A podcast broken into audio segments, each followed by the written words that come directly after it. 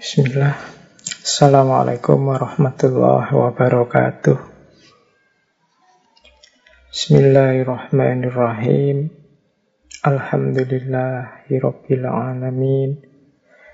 Assalatu wassalamu ala asyrafil anbiya'i wal mursalin. Sayyidina wa maulana Muhammadin wa ala alihi wa ashabihi wa man tabi'ahum bi ihsanin ila yaumiddin. Bismillah, mari kita lanjutkan ngaji filsafat kita.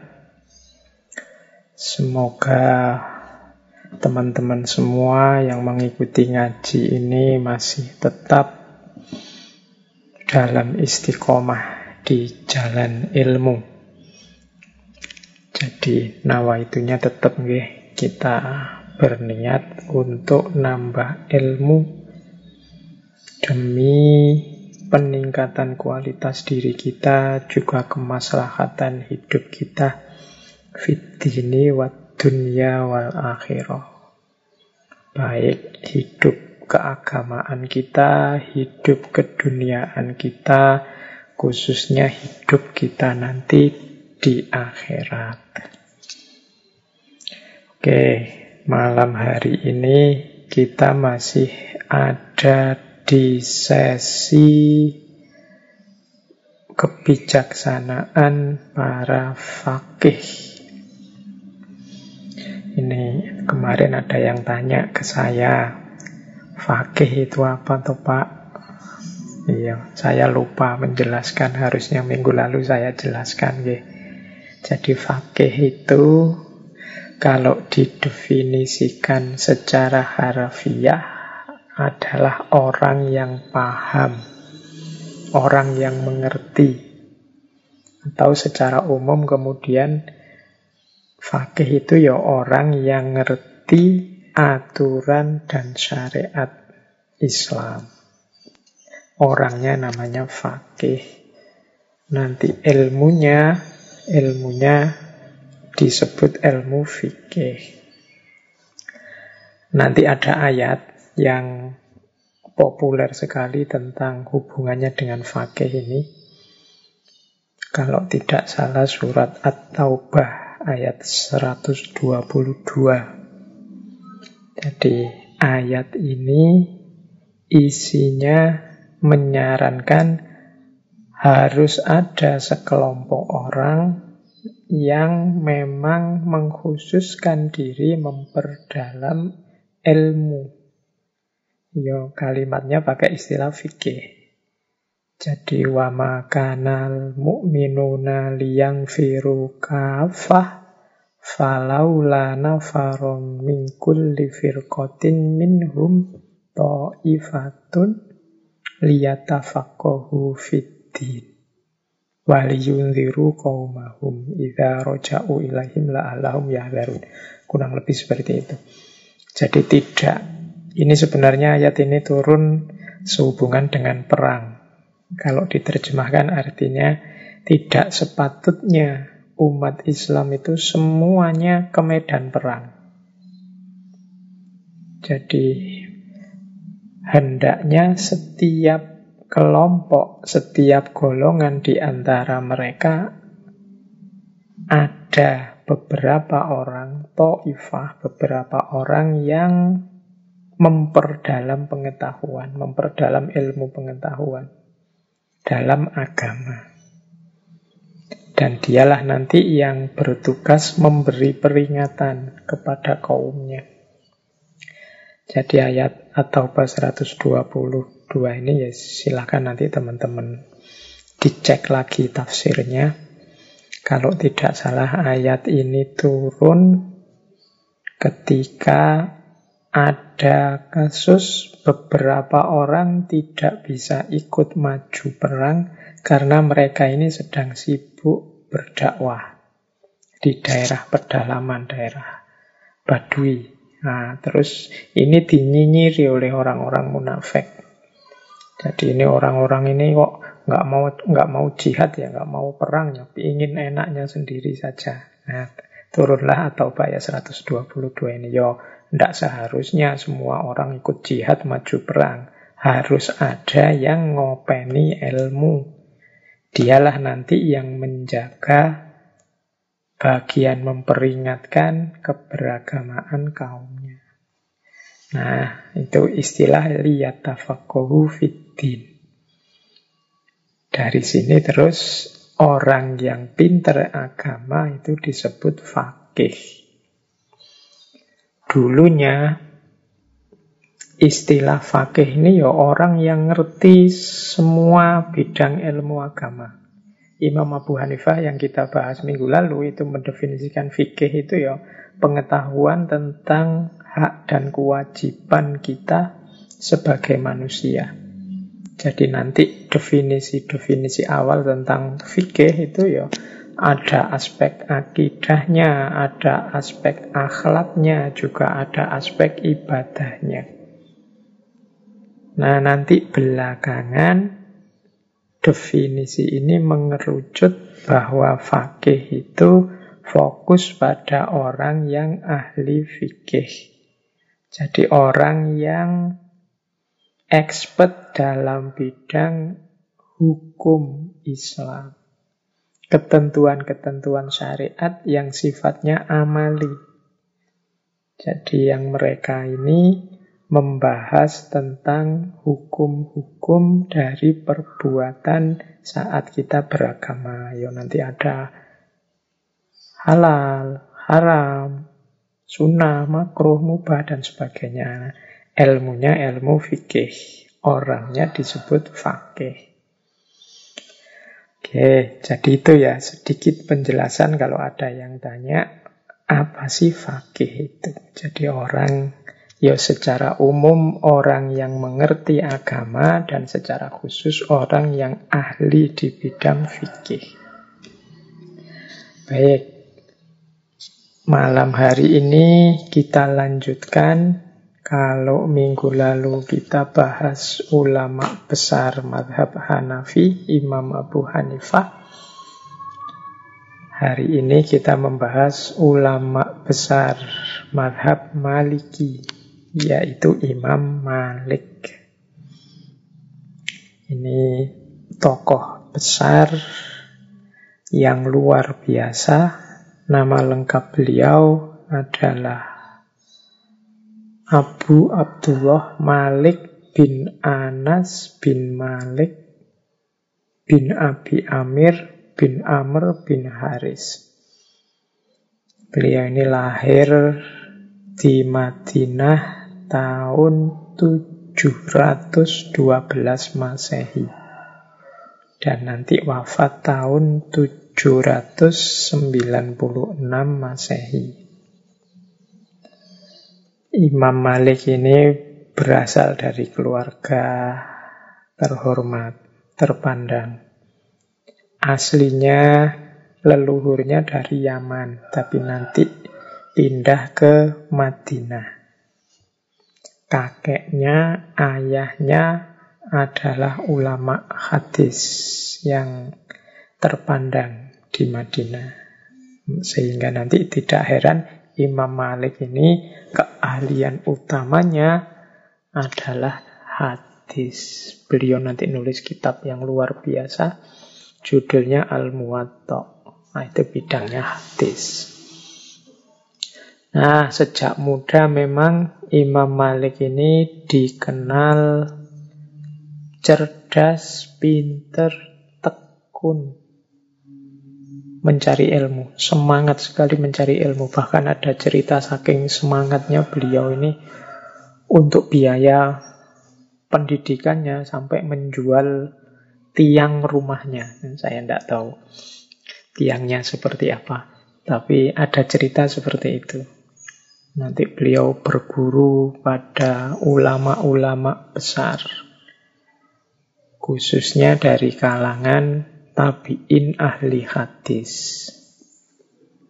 Ya mungkin ada nama-nama saya sebut saja yang paling tidak teman-teman pernah mendengar. Syekh Nafi bin Abi Nuaim, Ibnu Sihab Az-Zuhri, Abul Zinad, Yahya bin Sa'id al-Ansori, termasuk juga Imam Ja'far al-Sotik, dan juga Robi'ah al-Ra'yu. Ini nama-nama guru-gurunya ya di antara guru-gurunya ya mestinya banyak sekali nama guru-guru beliau. Nah, sejak muda beliau ini sudah dinobatkan sebagai ulama, orang pinter dan memang sepanjang hidup beliau pengabdian beliau yang utama ya di ranah pendidikan. Bahkan nanti beliau ini sampai sempat mengajar empat orang khalifah Abbasiyah ya waktu mudanya mestinya nih. Jadi mulai Al-Mansur, Al-Mahdi, Al-Hadi, juga Al-Ma'mun ini semuanya pernah jadi muridnya Imam Malik. Ya murid yang teman-teman kenal ya mestinya Imam Syafi'i juga. Bahkan Imam Abu Hanifah juga sempat belajar pada Imam Malik. Oke, Imam Malik ini kabarnya orangnya tampan, tinggi, besar, ganteng. Bahkan ada riwayat beliau ini matanya biru. Kayak orang-orang Eropa ya, bisa dibayangkan gantengnya beliau ini. Nah, Imam Malik ini muridnya banyak, beliau terkenal sebagai orang yang lembut tapi tegas, orang yang sabar tapi berjiwa besar. Dulu minggu lalu kita cerita bagaimana Imam Abu Hanifah mengalami ujian, dicambuk, di penjara. Imam Malik juga begitu. Imam Malik ini pernah jadi ada cerita beliau ini pernah dicambuk oleh gubernur Madinah saat itu namanya Ja'far. Ja'far ini keponaannya Khalifah Al-Mansur dari dinasti Abbasiyah. Nah, Ja'far ini memaksa, meminta seluruh penduduk Madinah untuk bayat kepada khalifah. Nah, Imam Malik yang saat itu usianya masih muda sebenarnya 25 tahun, Imam Malik ini mengeluarkan pendapat bahwa bayat yang dilandasi keterpaksaan karena tadi Ja'far ini kan memaksa hukumnya tidak sah dikiaskan dengan tidak sahnya orang cerai karena dipaksa atau terpaksa. Nah ini Ja'far marah meminta Imam Malik merevisi fatwanya. Tapi oleh Imam Malik ditolak. Akhirnya Imam Malik dihukum, dicambuk. Dicambuk 70 kali. Nah, berita ini nanti sampai ke Khalifah Al-Mansur oleh Khalifah Al-Mansur balik yang dimarahi Ja'far. Karena Al-Mansur ini ya muridnya Imam Malik.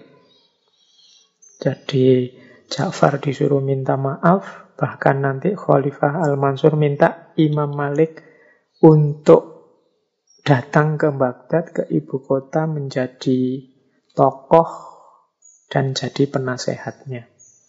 Khalifah juga ngirim uang 3000 dinar kalau Imam Malik ingin datang ke Baghdad. Tapi oleh Imam Malik undangan ini ditolak, tawaran jabatan ditolak, uangnya dikembalikan. Ya ceritanya penolakan ini nanti sebenarnya jadi awal lahirnya kitab Al-Muwatta. Kitab Al-Muwatta ini ditulis oleh Imam Malik atas permintaan Khalifah Al-Mansur. Karena Imam Malik tidak mau dibawa ke Baghdad untuk jadi penasehatnya, Khalifah minta Imam Malik untuk mengumpulkan hadis dan membukukan hadis. Awalnya Imam Malik enggan, tapi terus lama-lama permintaan ini dituruti. Dari situ nanti lahir kitab Al-Muwatta. Cuma masa penulisannya panjang. Kabarnya sekitar 40 tahun kitab ini ditulis. Dari masa Al-Mansur sampai nanti baru selesai di era Khalifah Al-Mahdi.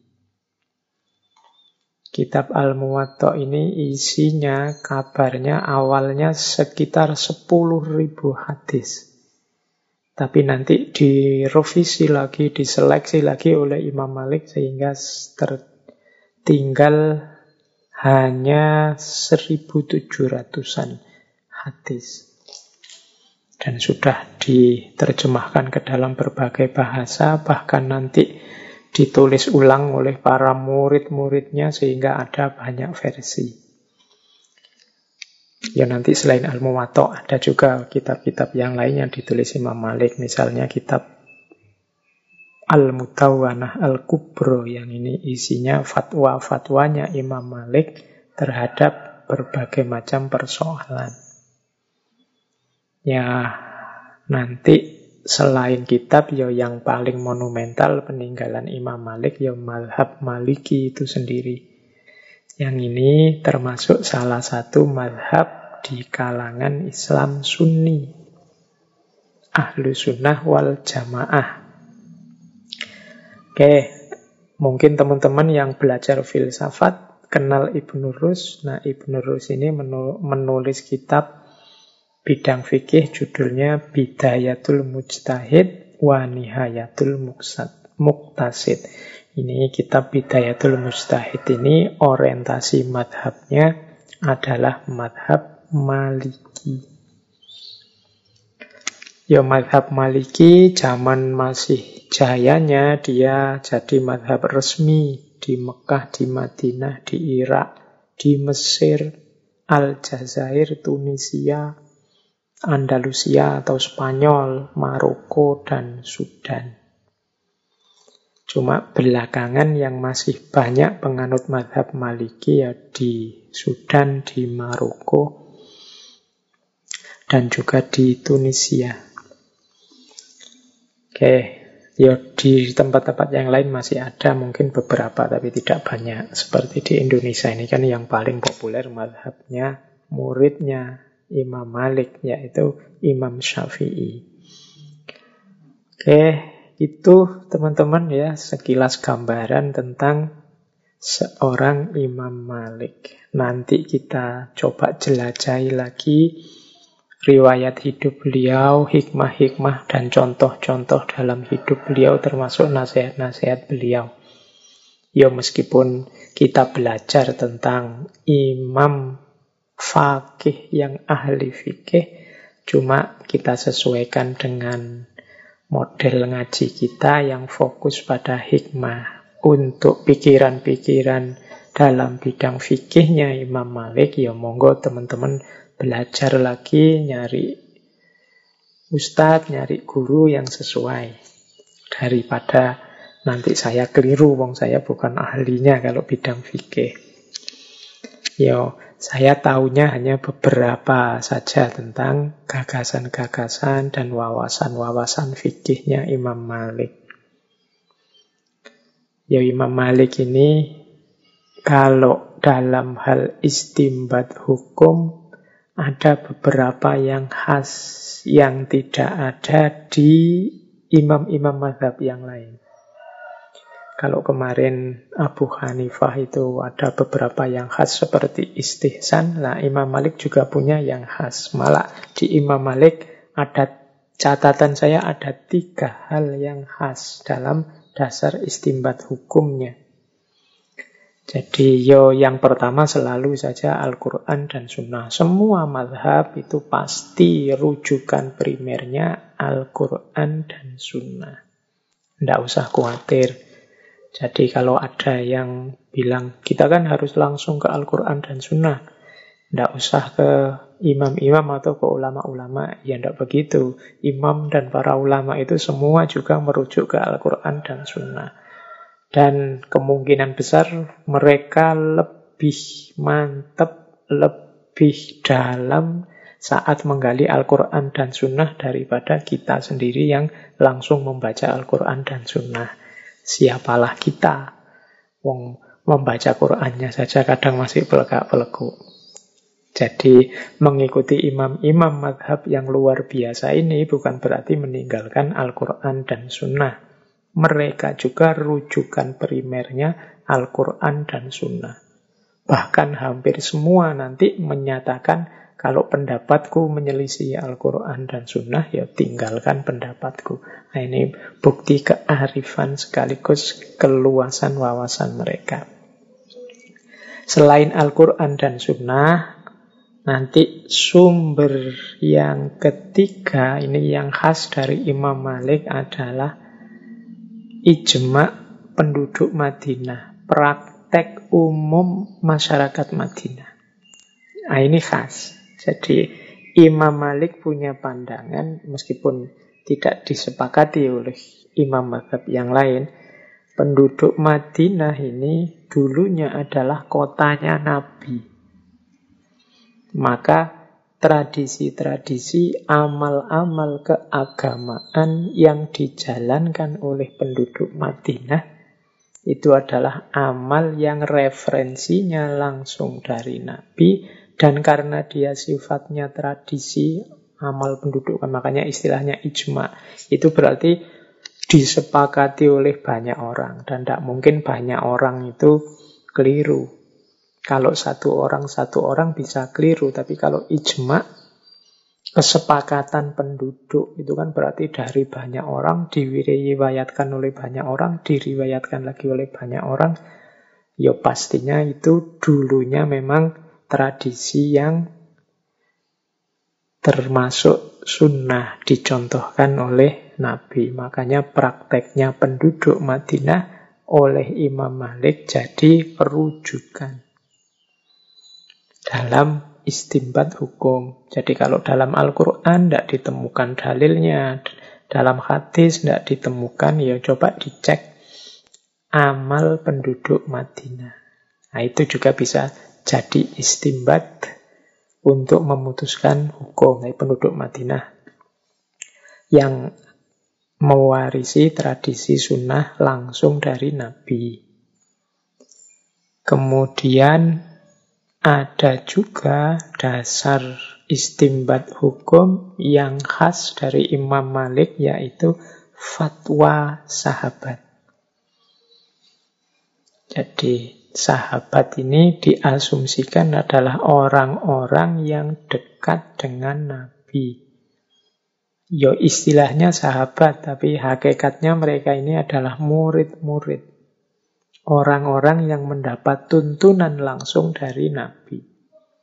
Maka fatwanya sahabat oleh Imam Malik dipandang sebagai bagian dari yang bisa dipakai sebagai dasar istimbat hukum. Jadi kaulnya sahabat, pandangannya sahabat itu dianggap lebih kuat, lebih layak untuk dijadikan dasar istimbat hukum dibandingkan nanti sumber yang di bawahnya. Oke, nah ini khas juga Imam Malik. Ya sumber yang di bawahnya nanti ada dua, kias sama maslahat. Tapi kalau ada fatwa sahabat, ya fatwa sahabat ini layak dijadikan dasar. Kalau ternyata di Al-Quran tidak ada, di Sunnah tidak ada, praktek amal penduduk Madinah tidak ada, fatwa sahabat juga tidak ditemukan, ya baru boleh melalui kias. Ya. Jadi kias itu memutuskan secara analogis memutuskan satu hukum dengan dasar hukum yang lain yang setara, yang mirip. Kemudian kalau kias kemarin di Abu Hanifah juga ada, nanti yang paling populer dengan metode kiasnya Imam Syafi'i, muridnya Imam Malik. Nah, yang khas lagi Tadi kan ada praktek penduduk Madinah, ada fatwa sahabat yang khas lagi yang terakhir menurut saya dari Imam Malik adalah maslahah mursalah. Nah, ini khas, maslahat. Jadi kalau ada perbuatan, amal, tindakan yang Al-Quran atau Sunnah tidak memerintahkan, juga tidak melarang, tapi aktivitas ini membawa maslahat, membawa kebaikan untuk umat. Jadi kalau ditanya, loh aktivitas semacam itu dalilnya mana? Qurannya mana? Hadisnya mana? Tidak ada. Tidak dilarang, juga perintahnya tidak ada. Tapi dia ini membawa maslahat. Nah, maslahat juga oleh Imam Malik boleh. Maslahat ini dijadikan dasar istimbat hukum. Ya nanti yang ingin memperdalam sejauh mana, seperti apa maslahat yang boleh, syarat-syaratnya, dan macam-macam, ya monggo belajar fikih. Jadi Makanya dalam diskusi-diskusi tentang amal ibadah, tentang perbuatan kita sebagai seorang muslim, itu ternyata para ulama besar fikih itu dasarnya ya macam-macam. Ya memang primernya Al-Quran dan Sunnah. Tapi kan saya bilang minggu lalu, realita situasi ini berkembang dinamis. Sehingga kadang-kadang kalau langsung pada Al-Quran dan Sunnah, kita kesulitan memutuskan dasar hukumnya. Makanya minggu lalu Imam Abu Hanifah ada istihsan. Sekarang Imam Malik ada maslahat. Di Imam Abu Hanifah bahkan ada urf, adat atau tradisi yang tidak bertentangan tentunya dengan Al-Quran dan Sunnah. Jadi ternyata yo maslahat bisa jadi pertimbangan hukum. Oh ini memang Al-Qur'annya tidak ada yang menyebut itu. Tapi juga larangannya tidak ada. Tapi maslahatnya untuk umat luar biasa. Membuat umat bersatu, membuat umat itu. Kemudian amal ini bisa masuk kategori diperbolehkan. Kalau dalam fikih ini versinya Imam Malik.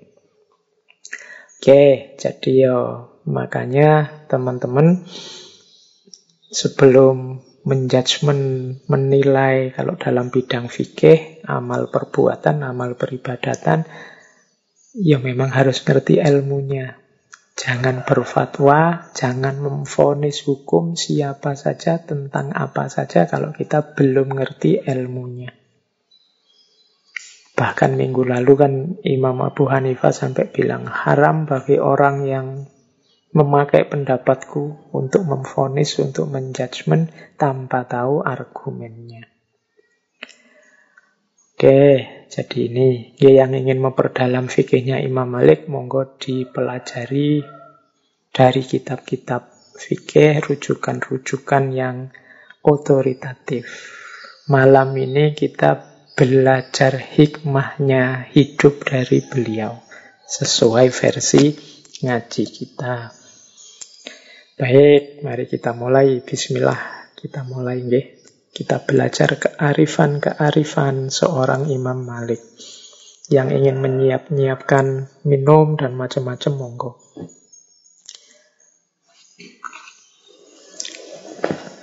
Baik, saya awali dari sebuah pernyataan yang luar biasa dari Imam Malik. Yaitu sesungguhnya aku ini tidak lain hanyalah manusia. Boleh jadi aku salah dan boleh jadi pula aku benar. Maka dari itu hendaklah kamu memperhatikan pendapatku. Tiap-tiap yang sesuai dengan kitabullah dan sunnah, kamu ambillah dia. Dan tiap-tiap yang tidak sesuai dengan kitabullah dan sunnah, kamu tinggalkanlah dia. Nah ini pernyataan ketawaduan seorang Imam Malik. Sebagaimana kemarin Kalimat-kalimat semacam ini juga diucapkan oleh Imam Abu Hanifah. Jadi memang orang itu semakin tinggi, semakin pintar, semakin dalam dan luas wawasannya, biasanya semakin tawadu. Semakin sadar kalau dirinya ini punya banyak kelemahan. Orang semakin pinter kan semakin ngerti dia dalam hal apa saja aku tidak ngerti, dalam hal apa saja aku lemah, dalam hal apa saja aku bisa keliru. Tapi semakin orang sombong, semakin orang merasa pinter, semakin dia tidak sadar di titik-titik mana dia mungkin salah, di titik-titik mana dia mungkin keliru. Nah, ini bagi saya pelajaran ini saja sudah luar biasa kalau kita bisa meneladani. Kita hari ini, ini kan ada di peradaban yang saling mengklaim dirinya sebagai yang paling unggul, yang paling benar. Dalam banyak cerita, banyak kasus, hari ini kan kita lihat orang-orang berlomba-lomba ingin menampilkan bahwa akulah dan kelompokku lah yang paling benar. Ini menurut saya kita perlu belajar dari tokoh-tokoh seperti Imam Malik ini. Paling tidak kita sadar ya aku ini manusia. Bisa salah, bisa juga benar. Maka katanya Imam Malik kalau engkau ingin mengambil pendapatku, jangan cuma mengambil, tapi juga perhatikan pendapatku. Ditelaah dulu, dicek dulu. Kalau memang sesuai dengan Al-Quran dan Sunnah, yo ya ambillah. Kalau tabrakan, menyelisihi, ya tinggallah. Nah, jadi ini kalau dalam bahasa agama, mbok jangan taklid, kamu ikut boleh, tapi pahamilah dasarnya, pahamilah dalilnya, argumennya. Kalau ternyata setelah ditelaah kok tabrakan dengan Al-Quran dan Sunnah dan hadis, yo tinggalkan saja. Tapi kalau cocok, tidak apa-apa kamu ambil terus. Nah, ini pernyataan tawaduk sekaligus pelajaran bagi kita untuk tidak mudah taklid yang membuta ikut saja. Oke, ini pelajaran penting yang pertama. Yo ini sederhana sebenarnya yo tiap hari kita mendengarkan sih nasihat-nasihat seperti ini, tapi dalam prakteknya kadang-kadang yo meleset. Postingan-postingan kita, komentar-komentar kita di medsos itu kadang-kadang rasanya hanya membenarkan diri sendiri dan orang lain pasti salah. Makanya ini untuk muhasabah, untuk kita introspeksi. Materi-materi seperti yang kita angkat bulan ini, ini sebenarnya materi-materi yang tidak sulit untuk dipahami. Jadi sederhana. Hikmah-hikmahnya hikmah-hikmah yang sederhana. Bahkan sebelum saya ceritakan seperti ini, teman-teman insya Allah sudah tahu. Tapi sering kali kita itu ada jarak antara pengetahuan dengan kesadaran. Sehingga kalau pengetahuan insya Allah teman-teman sudah lengkap, baik semua, tapi pengetahuan yang membuahkan kesadaran untuk menjalankan, ini yang kadang-kadang muncul, kadang-kadang hilang. Jadi, yo latihan pelan-pelan. Kalau dalam bahasanya Imam Ghazali sampai dia tumbuh jadi karakter, tidak sekedar insidental.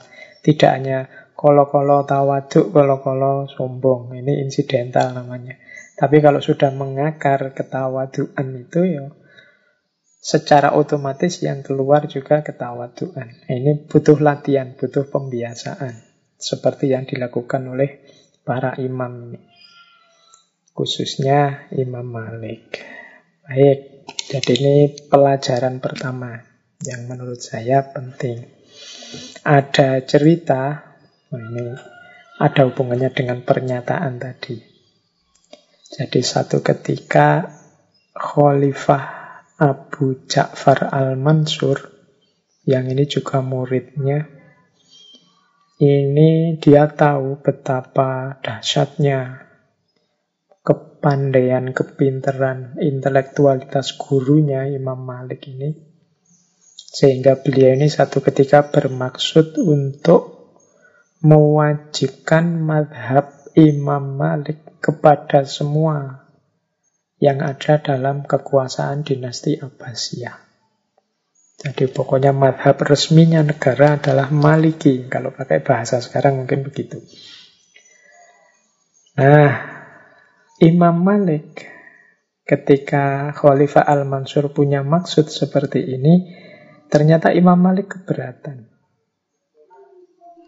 Kata Imam Malik, Wahai Amirul Mukminin, jangan lakukan itu. Orang-orang sudah mengetahui banyak pandangan, mengetahui banyak hadis, dan meriwayatkan berbagai riwayat. Setiap orang mengambil apa yang telah ada dan mengamalkannya. Dan mereka berhutang kepada perbedaan pandangan manusia terhadap para sahabat Rasulullah dan lainnya. Sesungguhnya berat sekali mencegah manusia dari apa yang sudah mereka yakini. Karena itu, biarkan manusia menjalankan apa yang sudah dianutnya dan apa yang dipilih oleh setiap penduduk negeri untuk diri mereka sendiri. Jadi menurut Imam Malik, janganlah orang-orang jangan diwajibkan mengikuti pikiran saya. Sebelum saya sudah banyak pandangan, sebelum saya sudah banyak riwayat-riwayat, sudah banyak hadis beredar. Setiap orang juga sudah punya posisi, sudah punya pilihan pandangan sendiri-sendiri. Untuk mengubah agar mereka ganti pandangan itu berat. Pasti nanti akan terjadi pemaksaan-pemaksaan atau orang terpaksa karena yang merintah khalifahnya. Jadi katanya Imam Malik, biarkan saja orang dengan keyakinannya masing-masing. Yo yang penting Biarkan mereka bebas belajar, bebas memilih, bebas mencari apa yang cocok untuk mereka. Kalau memang menurut mereka gagasan-gagasan Imam Malik ini sesuai, cocok, bagus, ya insya Allah mereka akan pindah ke madhab maliki. Kalau tidak, ya tidak masalah. Nah, ini nanti nyambung dengan pernyataan sebelumnya. Wong saya ini juga manusia biasa yang bisa keliru meskipun juga bisa benar.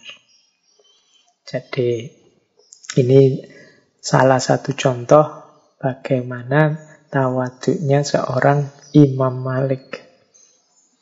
Kita hari ini kan kadang-kadang ingin kalau pikiran kita, gagasan kita itu diterima, disetujui, di ACC oleh semua orang.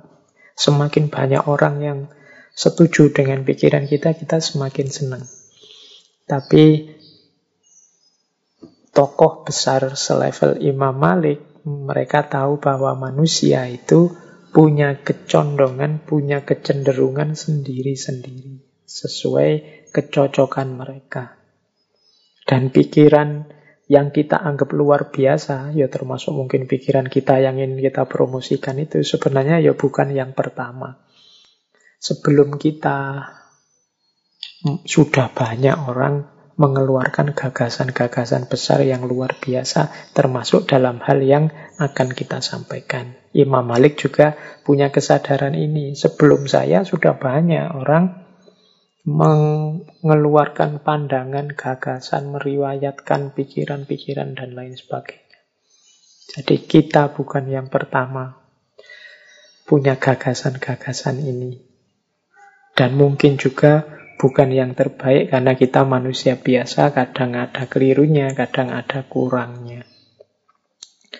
Oleh karena itu, silahkan kalau ingin berbagi pengetahuan, berbagi wawasan, berbagi ilmu, tapi tidak perlu memaksakan orang harus setuju dengan kita, tidak perlu memaksakan orang harus mau menerima pendapat kita.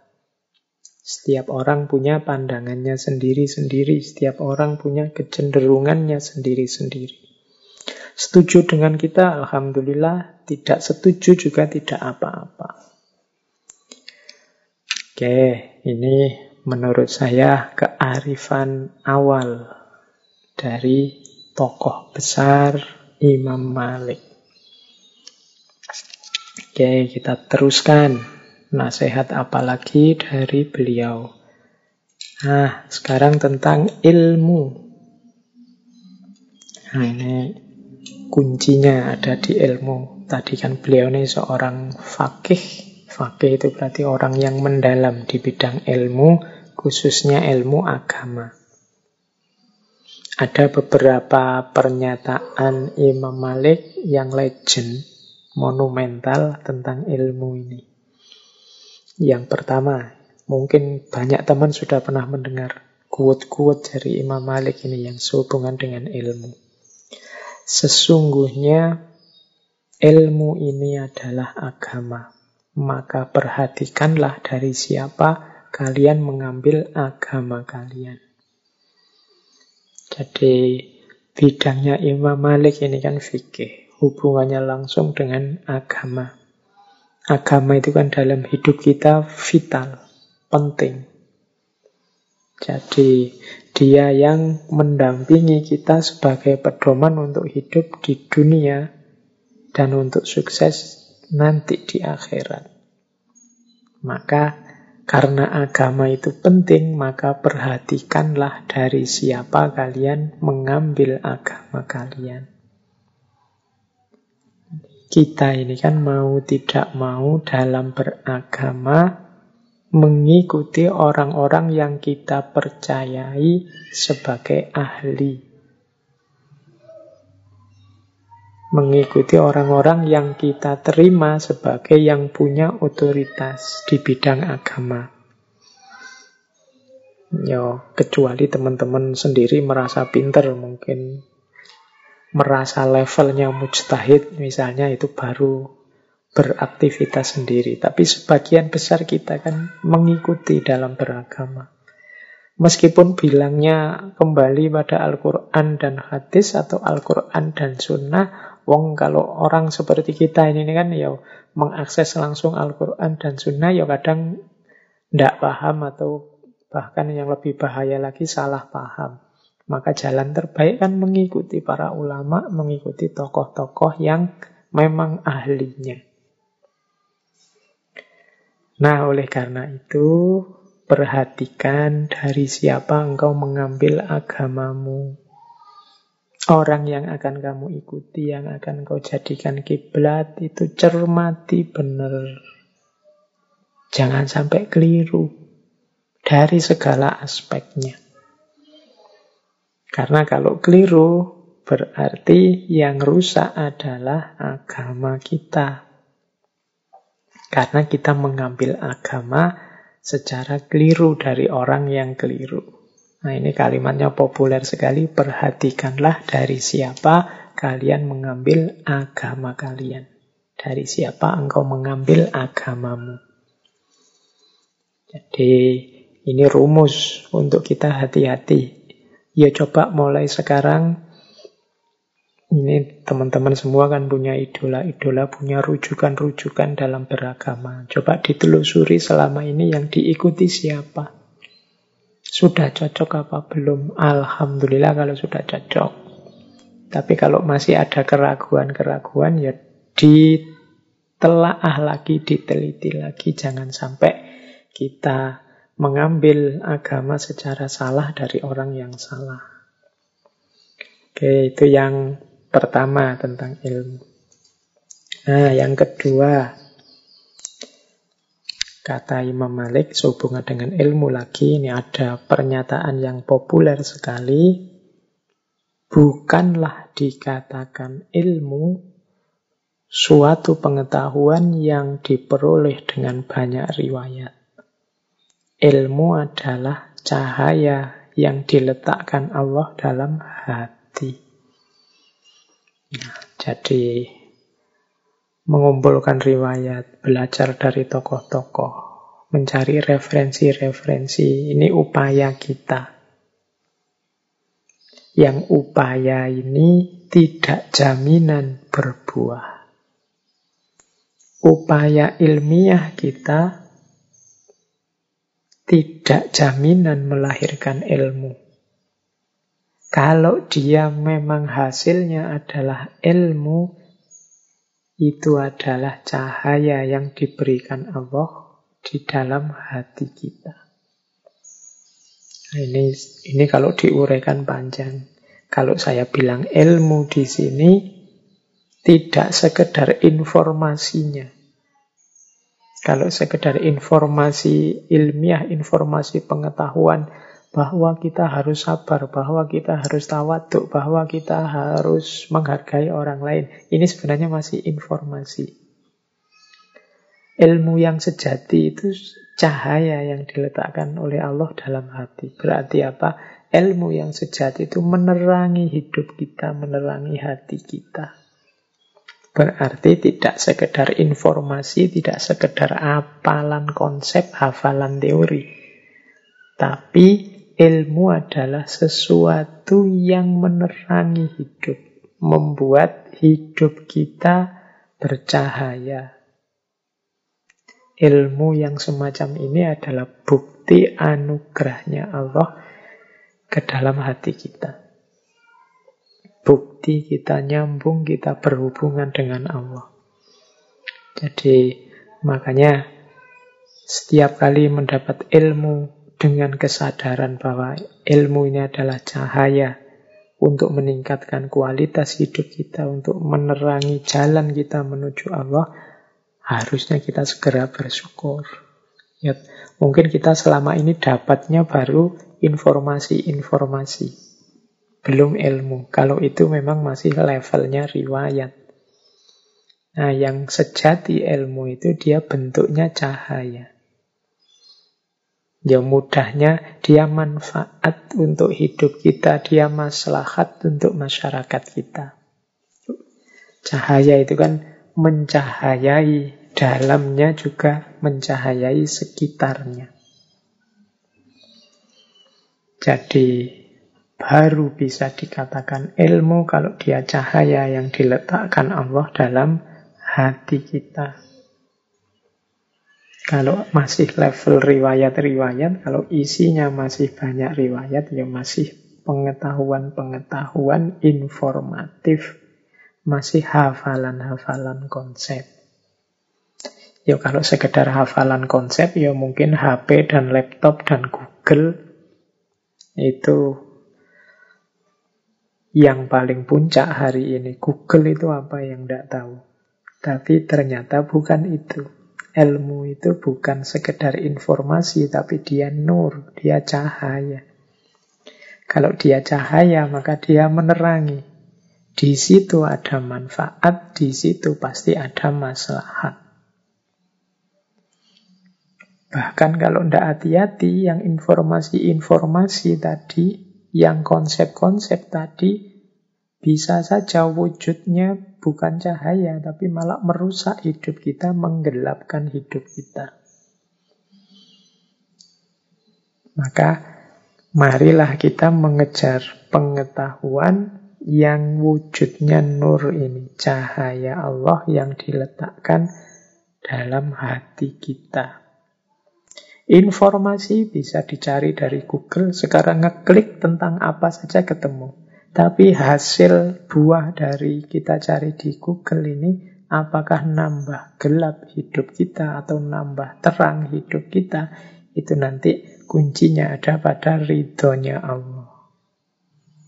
Inilah yang ingin dipesankan, ingin dinasehatkan oleh Imam Malik. Bukanlah dikatakan ilmu, suatu pengetahuan yang diperoleh dengan banyak riwayat. Ilmu adalah suatu cahaya yang diletakkan Allah dalam hati. Oke. Quote selanjutnya yang ketiga ini juga populer sekali kalimat ini pelajarilah adab sebelum mempelajari ilmu. Jadi adab itu buahnya akhlak. Akhlak kalau dia terpuji, buahnya juga adab yang terpuji.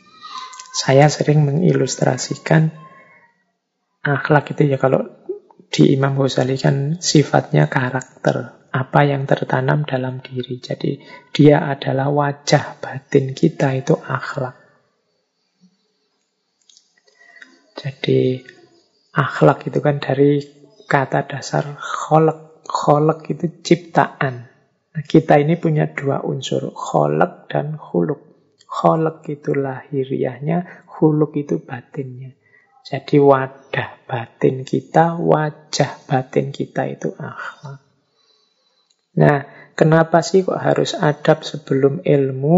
Ini kalau pakai bahasa yang berbeda, siapkan dulu wadahnya sebelum diisi. Jadi kalau wadahnya beracun, diisi barang jernih pun yang jernih akan jadi beracun. Jadi membereskan adab, membereskan akhlak itu seperti membereskan wadahnya dulu sebelum diisi. Kalau wadahnya baik, isinya baik, yo ya isi ini bisa kita manfaatkan untuk yang baik-baik. Tapi kalau wadahnya rusak, wadahnya kotor, meskipun diisi dengan yang baik, yo ya yang baik yang diisikan tadi akan ikut kotor. Kalau embernya berdebu, banyak kotorannya, air jernih yang kita masukkan akan ikut jadi kotor, akan ikut jadi tercemar. Nah, dengan logika ini, maka sebelum memasukkan ilmu ke dalam diri kita, siapkanlah wadahnya, yaitu jiwa kita, batin kita. Wajah batin kita itu kan huluk akhlak tadi. Jadi bereskan akhlak dulu sebelum mempelajari ilmu. Karena begitu ilmu yang positif, yang baik masuk, dia akan dikelola sesuai dengan apa yang ada dalam diri kita. Inilah mengapa kadang-kadang ada orang yang, loh, dia juga baca kitab kuningnya luar biasa loh. Dia guru-gurunya luar biasa loh. Mungkin pernah belajar agama sekian puluh tahun. Tapi sekarang kok gayanya begitu ya? Kok keluarnya begitu ya?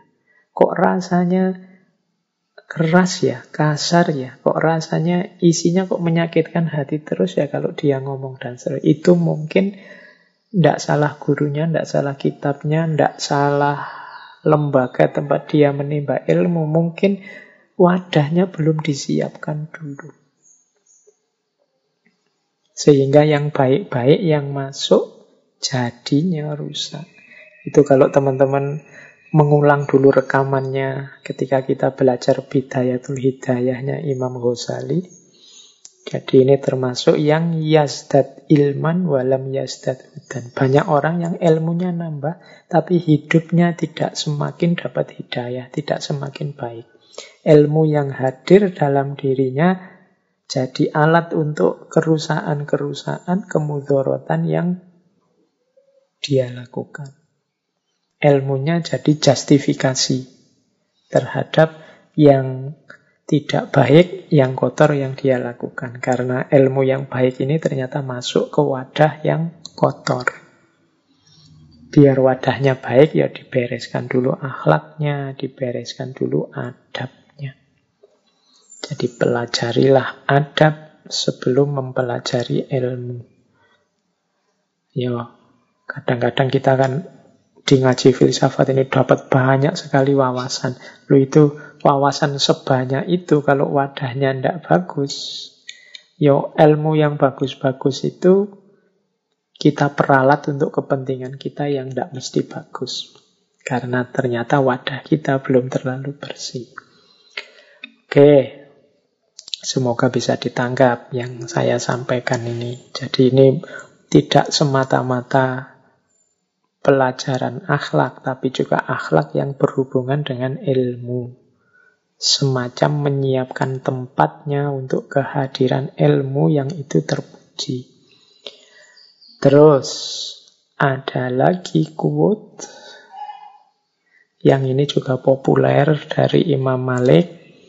Tidak sepantasnya seorang yang berilmu membicarakan satu pengetahuan pada orang yang tidak menaatinya. Karena itu adalah penghinaan kepada kemuliaan ilmu. Oh, ini mungkin sindiran pada kita ya. Kita ini kan sering cerewet. Baru ngerti sedikit saja semua orang ingin kita ceramahi, ingin kita beritahu. Tidak masalah sih dari sisi semangat kita untuk menyebarkan kebaikan. Tapi hati-hati. Dilihat juga konteksnya, dilihat juga audiennya, dilihat juga jenis forumnya. Karena kalau kita tidak hati-hati, jangan-jangan kita sudah niat baik, menyampaikan hal-hal yang baik, tapi tanggapannya justru sebaliknya. Tidak hanya menghina kita, tapi menghina kemuliaan ilmu yang kita sampaikan. Nah, berarti maksudnya apa? Kita turut andil wong kita tadi yang menyebarkan, kita tadi yang menyampaikan. Kita turut andil sehingga ada orang menghina ilmu. Ada orang merendahkan ilmu atau kebaikan yang kita sampaikan. Maka kalau ingin menyampaikan sesuatu dilihat siapa orang ini dalam situasi apa. Kira-kira ada kemungkinan nggak dia mau mendengar. Kalau memang hasilnya negatif, enggak ah. Kalau saya ngomong ke orang ini dengan isi yang seperti ini, pasti nanti dia bantah, bahkan mungkin menjelek-jelekan yang baik yang saya sampaikan, merendahkan ilmu yang mulia yang saya sampaikan ya nanti dulu saja kalau situasinya mungkin tidak usah saya sampaikan sekarang. Kita harus punya kearifan semacam ini. Karena kadang-kadang kita itu semangat dakwahnya luar biasa, tapi strategi dan retorikanya nol. Niatnya menebar ilmu, menebar kebaikan, tapi hasilnya justru konflik dan permusuhan. Ya sebagian karena andil kita juga tidak membaca situasi, tidak melihat kondisi. Ya harus pinter membaca situasi biar niatnya baik, caranya baik, hasilnya juga baik. Kalau hasilnya kontraproduktif kan akhirnya kita juga turut andil dalam kejelekan yang lahir. Misalnya kita ngomong sesuatu yang luhur, tapi terus orang salah paham, menjelek-jelekkan sesuatu yang luhur, dia malah jadinya antipati dengan keluhuran kebaikan itu Akhirnya kita turut andil dalam semakin tersesatnya dia. Maka hati-hati, makanya orang dakwah itu ya butuh retorika, butuh strategi yang baik, biar hasilnya juga baik. Oke, ini nasihat dari Imam Malik. Tidak sepantasnya seorang yang berilmu membicarakan satu pengetahuan pada orang yang tidak menaatinya, orang yang tidak menghargainya. Karena itu adalah penghinaan kepada kemuliaan ilmu itu.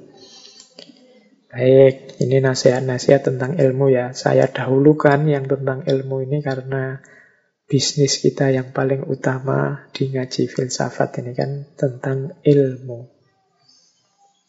Ada cerita Nah ini selanjutnya tentang ilmu dan akhlak tadi. Ketika Imam Malik yang masih kecil pamitan kepada ibunya untuk berangkat mencari ilmu. Ini cerita dari Imam Malik sendiri. Aku berpamitan kepada ibuku untuk pergi mencari ilmu. Ibuku terus berkata, kemarilah nak, kenakan pakaian yang pantas bagi seorang penuntut ilmu. Jadi anaknya yang mau berangkat ini dipanggil lagi, coba sini. kamu pakai pakaian yang pantas dong. Kemudian ibu mengenakanku pakaian yang baik, juga memakaikan peci di kepalaku dan memasangkan sorban. Lalu berkata, nah sekarang pergilah pada gurumu Robi'ah untuk menuntut ilmu. Tapi ingat nak, belajarlah dulu akhlak darinya sebelum engkau menyerap ilmunya. Ini ada beberapa pelajaran dari cerita ini.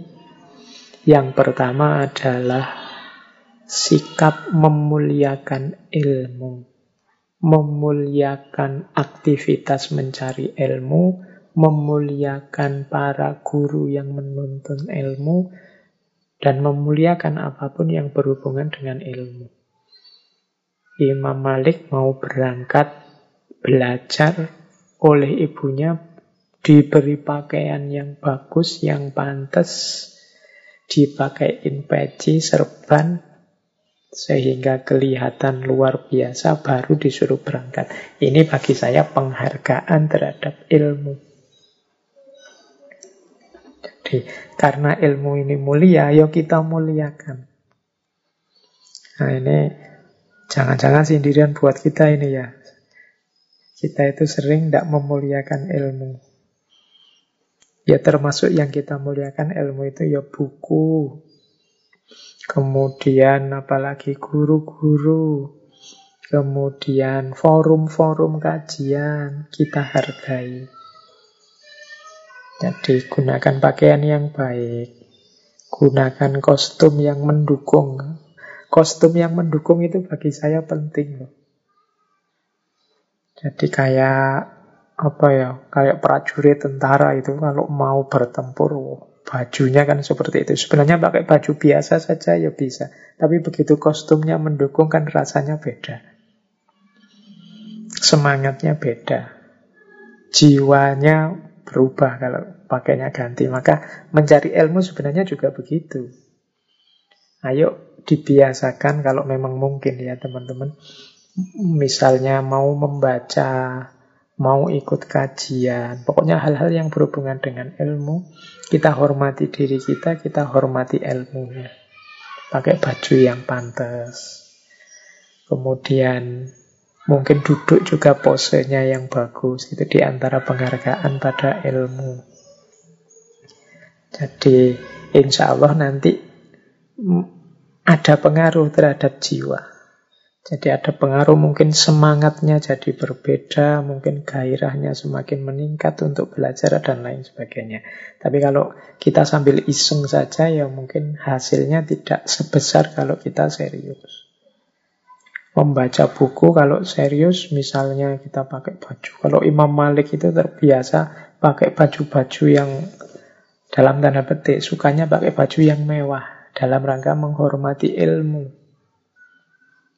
Jadi suka memakai wangi-wangian mirip dengan Imam Abu Hanifah yang kita ceritakan minggu lalu.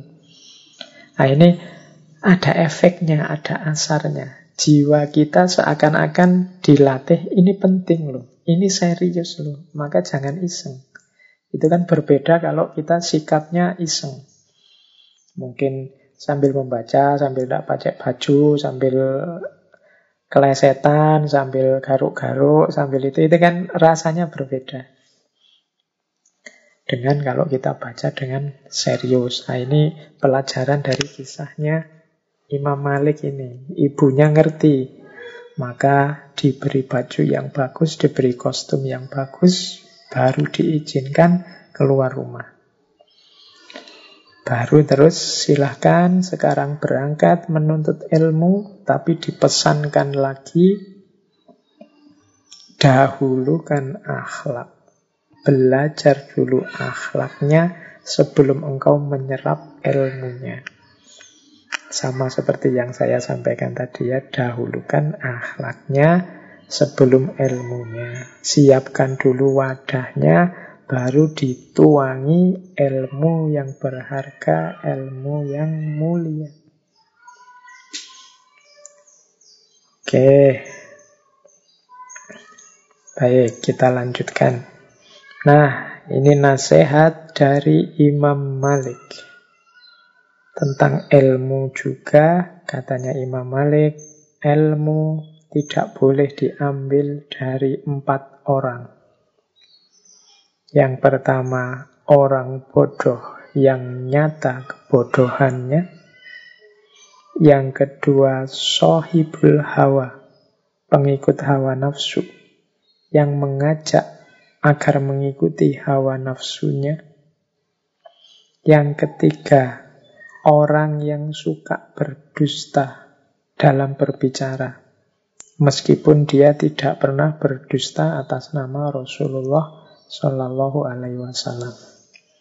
Yang keempat, orang yang soleh dan mulia yang tidak tahu apa yang ia sampaikan. Tadi kan di depan ada nasihat, perhatikan dari siapa engkau mengambil agamamu. Dari siapa engkau mengambil ilmu tentang agama? Nah, di bagian ini Imam Malik memperjelas lagi dari siapa sih yang tidak boleh itu. Katanya Imam Malik, hindari empat orang ini. Jangan belajar dari empat orang ini. Yang pertama orang bodoh. Yang nyata kebodohannya. Yo. Kalau sudah jelas orang ini bodoh, Mungkin kalau diterjemah dalam bahasa Indonesia bodoh itu rasanya agak kasar ya. Ya pokoknya orang yang tidak ngerti, orang yang bukan ahlinya. Ya kalau memang bukan ahlinya jangan diikuti. Itu analoginya orang bodoh itu ya orang yang tidak ngerti, orang yang bukan ahlinya. Ya tidak usah diikuti orang yang bukan ahlinya. Kalau tentang fikih ya ikut ahli fikih. Kalau tentang filsafat diikuti ahli filsafat, kalau tentang akhlak belajar dari orang yang para ulama yang ngerti akhlak. Jadi jangan ngarang, pokoknya orang yang kalian idolakan, kalian apa tinggikan, kalian kagumi, terus belajar apa saja dari beliau ya ndak ya dipelajari sesuai dengan keahlian beliau. Jadi jangan belajar dari orang yang tidak ngerti, yang nyata ketidakngertiannya. Yang pertama. Ini kadang-kadang kita itu jadi tidak kritis kalau egonya main. Misalnya karena kelompokku, karena grupku, karena dosenku, karena temanku, karena idolaku. Ini membuat kita tidak kritis. Tapi tetap kalau kita ingin belajar sesuatu, ya harusnya dari ahlinya. Itu yang pertama. Yang kedua, jangan belajar atau mengambil ilmu dari sohibul hawa. Orang yang disetir, dikendalikan oleh hawa nafsunya. Cirinya apa orang yang dikendalikan oleh hawa nafsunya? Orientasi hidup dan target-target hidupnya hal-hal yang sifatnya duniawi sementara artifisial. Artifisial itu tidak penting, tidak penting, tidak hakiki. Jadi sohibul hawa itu ya targetnya tidak akan jauh-jauh. Misalnya dari harta, tahta, kehormatan duniawi dan yang sejenis itu. Pujian, kekaguman orang, itu ciri-ciri sohibul hawa. Ingin memamerkan ilmunya, ingin memamerkan ketinggian wawasannya, ingin dipuji orang tentang kepandaiannya dan yang sejenis itu. Itu juga cirinya sohibul hawa. Kalau ada orang jenis ini, hati-hati kalau bisa tidak usah mengambil ilmu dari orang jenis ini. Karena orang-orang semacam ini biasanya yang disampaikan adalah yang sesuai dengan kepentingan dan ambisinya. Kalau ada hal-hal yang tidak cocok dengan kepentingan dan ambisinya, dia loncati. Kadang yang jelek-jelek pun karena dia pinter, dia carikan dalilnya. Dalil yang cocok dengan nafsu dan ambisi yang sudah dia target. Makanya hati-hati. Kalau sama orang bodoh tadi kan lebih mudah identifikasinya. Kalau sohibul hawa ini melihatnya tidak pada ilmunya, tapi pada karakternya. Yang diomongkan mungkin benar, mungkin ada dalilnya, tapi melihat betapa ambisiusnya dia, betapa dia diliputi oleh hasrat hawa nafsu, ingin enak sendiri, ingin sukses sendiri, egois, nah harus kita mundur sebentar, hati-hati. Jangan-jangan kebenaran yang dia sampaikan itu sudah dipotong-potong, direduksi, sesuai keinginan dan ambisinya. Yang ini kadang-kadang harus hati-hati. Kalau dalam dunia filsafat ada istilah kaum sofis. Kaum sofis ini karena dia pinter, kalau ngomong ya mengagumkan banyak orang, logis, rasional, masuk akal. Orang biasa tidak bisa berpikir seperti itu. Cuma kaum sofis ini dikenal oportunis. Jadi dia tergantung siapa yang bayar, tergantung siapa yang ngontrak, kebenaran bisa diatur. Jadi kebenaran bisa diatur itu argumen bisa dipilih-pilih. Kan saya sering bilang akal itu pinter menjustifikasi. Tergantung hati mengarahkan ke mana. Hati itu kalau diarahkan ke kebaikan, ya akal bisa menunjukkan dalil argumen untuk mendukung kebaikan. Tapi kalau hati cenderung pada yang jelek, ya akal akan mampu menyusun argumen untuk mendukung kejelekan. Ini teorinya Imam Ghazali. Jadi sohibul hawa. Ayo hati-hati kita hindari. Yang ketiga, para pendusta. Nah, berarti sebelum kita mengikuti orang lain, ini harus kita cek track recordnya ini. Ini ternyata para pendusta jangan diikuti. Ya kalau para pendusta kan khawatirnya dia berdusta, bohong. Maksudnya ayat sebenarnya ini dipelintir jadi itu. Ini para pendusta. Maksudnya hadis ini A, tapi untuk kepentingannya maksudnya dibelokkan jadi B. Para pendusta. Bahkan seandainya dustanya tidak seperti yang saya contohkan tadi, tidak tentang ayat, tidak tentang hadis. Kalau di situ kan ada kalimat walaupun tidak pernah berdusta atas nama Rasulullah. Dustanya mungkin urusan-urusan sepele, urusan-urusan kecil. Tapi orang yang mudah berdusta ini bahaya untuk diikuti. Tidak sibuk bilang sibuk. Ah ini terus bohong. Sudah makan, bilangnya belum makan atau sebaliknya. Ini kan sebenarnya jujur tidak apa-apa, tapi kadang-kadang kita milih bohong. Kemudian tidak masuk, bilang masuk. Eh, jenis-jenis ini kan bohong sederhana sekali tiap hari. Mungkin kita lakukan secara tidak sengaja. Tapi kalau dibiasakan dia menjadi karakter. Membuat diri kita tidak terpercaya. Kata-kata yang keluar dari mulut kita jadinya tidak sikoh. Tidak sikoh itu tidak kuat, tidak bisa dipercaya. Meskipun kita bohongnya hanya kecil-kecil, tapi kalau kecil-kecil banyak akan membentuk karakter sebagai pembohong kan ada hadisnya itu iya kumbal kaliba hindarilah bohong. Karena kalau kita ya taharro kaliba kalau kita membiasakan kebohongan maka kita akan menjadi orang yang kadaban seorang pembohong. Bohongnya sudah jadi karakter. Orang yang bohongnya sudah jadi karakter itu ya kalau dia berbohong tidak ada rasanya sudah biasa saja karena sudah tiap hari dia begitu. Jadi yang ketiga, jangan mengambil ilmu dari para pembohong.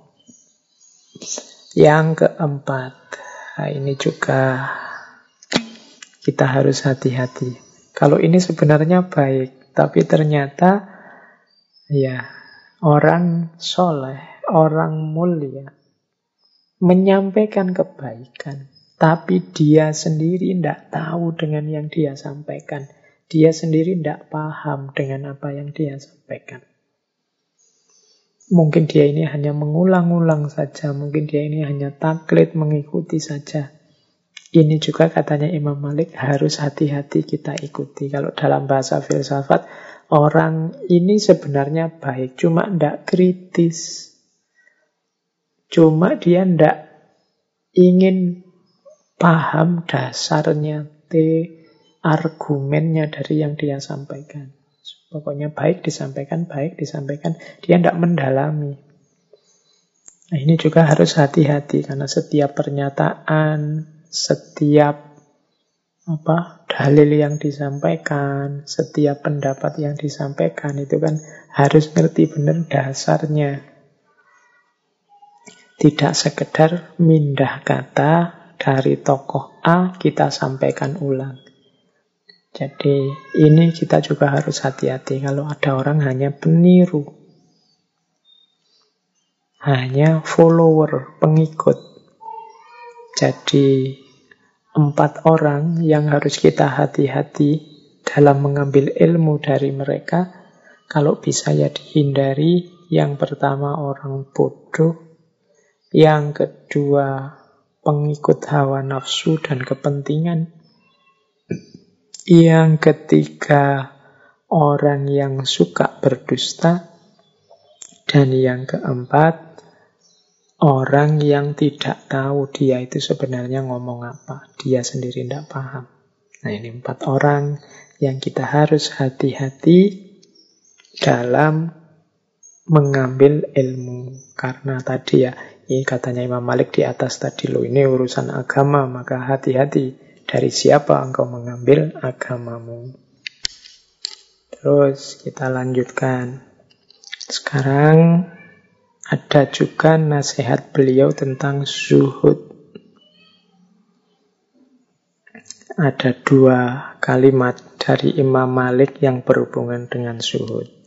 Yang pertama kata Imam Malik, apabila seseorang itu zuhud, Allah akan memberi nikmat kepadanya.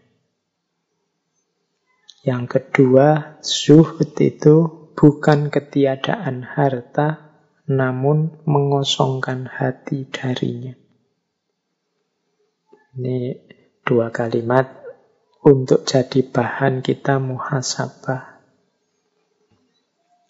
Jadi orang zuhud itu orang yang hatinya tidak terikat, tidak tergoda oleh dunia. Katanya Imam Malik, Justru sebaliknya orang yang tidak terikat dan tidak tergoda ini akan mendapatkan nikmat dari Allah. Mungkin kalau pakai bahasa lain, kalau engkau tidak mengejar dunia, dunia yang mengejarmu. Ya tentunya atas seizin Allah. Jadi dengan cara suhud kita bisa semakin dekat dengan Allah, hati kita tidak sibuk dengan dunia, dan ternyata dunia yang mengejar kita, Allah yang mencukupkan dan memberi nikmat dalam hidup kita. Nah ini mental semacam ini adalah mentalitas suhud. Ya mungkin agak beda dengan kita kalau kita ini kan masih banyak takut-takutnya dalam hal duniawi. Takut kalau besok tidak dapat pekerjaan, misalnya teman-teman mahasiswa. Takut apa cukup gajiku sekian, misalnya yang sudah punya pekerjaan. Takut kira-kira nanti saya bisa dapat jodoh apa enggak ya, misalnya yang jomblo. Ketakutan-ketakutan semacam ini menunjukkan kita belum masuk dalam kualifikasi orang yang zuhud. Orang yang zuhud itu tidak ada takutnya kalau urusan duniawi. Jadi kalau urusan dunia mau apa pun yang terjadi, seorang yang zuhud itu akan ridho. Tapi bukan berarti tidak mau bekerja, bukan berarti tidak mau kaya. Kalau mau kaya oke okay saja, bekerja ya dilakukan sepenuh hati sebagai tanggung jawab kemanusiaan dan tanggung jawab ketuhanan. Tapi hasilnya apa, buahnya seperti apa ya tidak jadi ukuran, tidak jadi hitungan. Satu-satunya ukuran dan hitungan hanya ridhonya Allah. Mental semacam ini namanya mental suhud. Imam Malik itu imam yang kaya. Tadi saya ceritakan beliau ini suka menggunakan baju-baju yang mewah. Tapi kekayaan tidak nempel di hatinya. Ada beberapa kisah ini saya bawa ya. Misalnya ini ada contoh ada ceritanya Imam Malik. Jadi Imam Malik ini punya tabiat kalau orang memberi hadiah, ya diterima. Tapi hadiah itu tidak membuatnya terikat, tidak membuatnya terpengaruh, bahkan kalau mungkin dikembalikan lagi. Jadi ada cerita suatu hari beliau ini oleh wali kota Madinah diberi hadiah kuda yang indahnya luar biasa, pelanannya mahal. Nah, kuda ini oleh beliau diikat di depan masjid. Wah, semua orang kagum, termasuk Imam Syafi'i. Imam Syafi'i melihat kuda itu, wah luar biasa ini guru. Kudanya tangkas sekali, kudanya hebat sekali. Imam Malik tiba-tiba saja bilang, huwalak. Huwalak itu ya, sudah ambil saja. Oh. Padahal banyak orang kagum, banyak orang berdecak melihat kuda yang indah itu. Tapi bagi Imam Malik, itu bukan sesuatu yang nempel. Bukan sesuatu yang harus dipertahankan mati-matian. Tidak, tidak kok Imam Syafi'i dicarikan kudanya yang lain yang tidak selevel itu ya ndak. Ada orang suka langsung diberikan saja. Itu menunjukkan dunianya tidak nempel. Loh, tapi kan pemberiannya masih diterima. Ya, pemberian diterima itu kan kemungkinan dalam rangka membahagiakan orang yang memberi. Jangan lupa kebahagiaan itu tidak cuma saat diberi, tapi kebahagiaan lebih besar itu kebahagiaan memberi. Maka memberi kesempatan orang untuk bahagia dengan berbagi itu bagi saya juga termasuk kebaikan. Jadi kadang-kadang kan banyak kita yang melihat para ulama itu loh pekerjaannya apa sih. Kemudian kita vonis mereka, wah mereka itu cuma nunggu sangunya dari orang-orang yang sowan, orang-orang yang datang. Insya Allah para ulama itu mentalnya seperti Imam Malik ini. Pemberian akan selalu diterima dengan pertimbangan bahwa orang memberi itu punya kebahagiaannya sendiri. Orang memberi itu ada kepuasannya sendiri. Plus pemberian itu tidak akan nempel. Tidak akan melekat ke mereka. Kalau saat itu juga ada orang butuh, pasti pemberian tadi akan diberikan pada yang butuh. Sebagaimana Imam Syafi'i begitu lihat kendaraan yang luar biasa, ya langsung sama Imam ya sudah kalau kamu suka, hualat, ambil saja. Kuda itu buatmu. Nah ini contoh sikap yang tidak terikat oleh dunia. Ini yang disebut mental zuhud. Kaya raya tapi batinnya adalah batin yang zuhud. Ada cerita lagi. Satu ketika Imam Malik ini dikirimi uang seribu dinar oleh Khalifah Al-Hadi. Nah Imam Malik sudah curiga ini karena yang memberi Khalifah mesti ada pamrihnya. Nah, dalam kasus seperti ini, oleh Imam Malik, uang ini disimpan baik-baik, tidak disentuh sedikit pun. Suatu ketika khalifah datang ke Madinah. Setelah menunaikan ibadah haji, mengunjungi Imam Malik.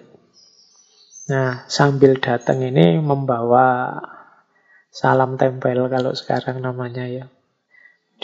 Uang yang diamplopi itu seribu dinar lagi. Kemudian beliau merayu Imam Malik untuk pindah ke Baghdad, diberi jabatan yang tinggi. Nah, oleh Imam Malik,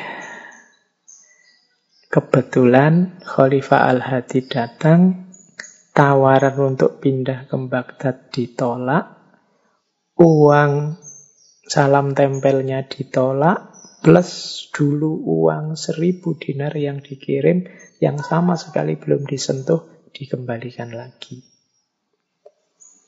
Nah ini salah satu contoh bagaimana beliau ini tidak terikat oleh dunia, punya mentalitas suhud. Oke, baik, kita lanjutkan lagi ya. Nah, ada salah satu contoh hikmah yang luar biasa dari Imam Malik adalah sikap yang tidak sok tahu. Jadi Imam Malik ini dikenal punya kalimat idola yaitu la adri atau aku tidak tahu. Dan ini banyak sekali cerita-cerita tentang tabiat sangat tawaduknya Imam Malik. Jadi beliau ini tidak mengklaim dirinya tahu segala hal. Kalau memang ada pertanyaan yang beliau tidak tahu, beliau tidak malu-malu jawab, saya tidak tahu. Dan tidak akan ngarang-ngarang jawaban untuk menghibur orang biar kelihatan pinter. Enggak. Atau biar orangnya puas. Enggak. Kalau tidak tahu ya tidak tahu. Karena urusan ilmu tidak bisa sembarangan. Ada cerita seorang laki-laki dari jauh dari tempat yang jauh datang pada Imam Malik tentang satu masalah. Imam Malik menjawab, La uhsinuha. Jadi, La uhsinuha itu artinya, aku tidak ngerti masalah itu dengan baik. Bayangkan, ini tidak sekedar tidak tahu. Aku tahu, tapi pengetahuanku belum tuntas. Makanya jawabannya la uhsinuha. Aku tidak ngerti masalah itu dengan baik. Nah, laki-laki ini mendesak karena mungkin bayangannya dia kan ini ulama besar, masa tidak tahu.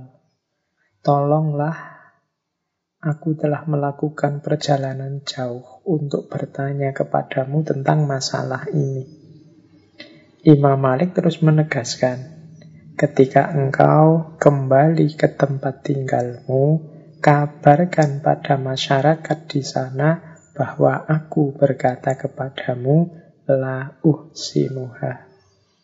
Jadi ya, ya aku ngerti kamu orang jauh, tapi aku ndak ngerti masalah itu dengan baik. Jadi ya nanti kalau kamu kembali pada masyarakatmu, katakan saja apa adanya, jawabannya Imam Malik la uhsinuha. Nah ini contoh ulama besar yang sadar diri dan tahu diri. Ngerti batas pengetahuannya. Kalau memang tidak tahu, ya bilang tidak tahu. Biar tidak menyesatkan orang. Ada cerita dari Khotib al-Baghdadi. Beliau cerita bahwa Imam Malik itu satu ketika pernah ditanya 48 masalah yang dijawab hanya dua. Sisanya dijawab dengan la adri. Jadi sisanya dijawab dengan tidak tahu. Ya karena memang tidak tahu, masuk ngarang. Karena memang tidak tahu kan tidak mungkin terus dikira-kira apalagi urusan agama. Jadi saya tidak tahu. Bahkan tidak hanya la adri, tadi kan la uhsinuha. La uhsinuha itu jane yang ngerti, tapi belum tuntas. Aku belum tahu dengan baik. Nanti saja kalau sudah dicek sampai baik baru berfatwa. Kalau memang belum tahu ya belum tahu. Makanya ada satu quotes yang luar biasa dari kalimatnya Imam Malik. Junnatul alim qawluhu la adri. Jadi bentengnya orang alim adalah kata-kata la adri. Aku tidak tahu. Nah ini cuma ya bukan berarti terus ini menyembunyikan ilmu. Ya kalau tahu ya disampaikan tahu. Tapi kalau tidak tahu jangan gaya tahu. Apalagi ngarang-ngarang. Kalau filsafat sih ngarang tidak masalah. Lahir filsafat yang baru. Tapi kalau agama kan kita tidak bisa ngarang jadi benteng kita sebagai ilmuwan itu la adri. Nyaman sudah. Ya yang lain juga begitu. Kalau ada tokohmu, idolamu, ulama yang kau ikuti menyatakan la adri, ya jangan diremehkan, jangan dianggap rendah, jangan dianggap oh berarti ilmunya masih cetek. Tidak begitu. Justru itu menunjukkan kebesaran hatinya, ketawaduannya untuk tidak mengatakan sesuatu yang dia belum sepenuhnya mengerti. Jadi ya nanti dulu. Kalau saat ini ditanya, ya jawabannya masih la adri. Dan la adri ini jadi salah satu nasihat khususnya Imam Malik kepada Imam Syafi'i. Jadi ini saya bawa beberapa nasihatnya Imam Malik kepada Imam Syafi'i. Langsung saja ya, saya teruskan tentang nasihatnya kepada Imam Syafi'i. Jadi yang pertama tadi, beliau menasehati, biasakan dirimu untuk mengatakan tidak tahu. Ini kalimatnya biasakan. Karena orang yang tidak terbiasa mengatakan tidak tahu, biasanya gengsi mengatakan tidak tahu. Jadi dia karena dia mungkin terlanjur merasa dirinya besar, terlanjur merasa dirinya pintar. Jadi kalau ada pertanyaan kok tidak bisa jawab, rasanya kok merendahkan dirinya. Akhirnya dia ngarang-ngarang. Maka Imam Malik menasihati Imam Syafi'i, biasakan untuk mengatakan tidak tahu. Oh ini falsafah tidak tahu. Terus ada lagi pesannya Imam Malik kepada Imam Syafi'i, sesungguhnya Allah telah menganugerahkan cahaya di dadamu. Maka jangan engkau padamkan dengan maksiat.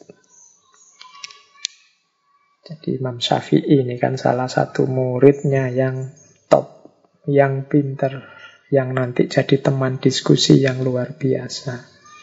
Dan Imam Malik ngerti benar bahwa ilmu itu cahaya, maka orang-orang pinter adalah orang-orang yang bercahaya, yang menerangi sekelilingnya.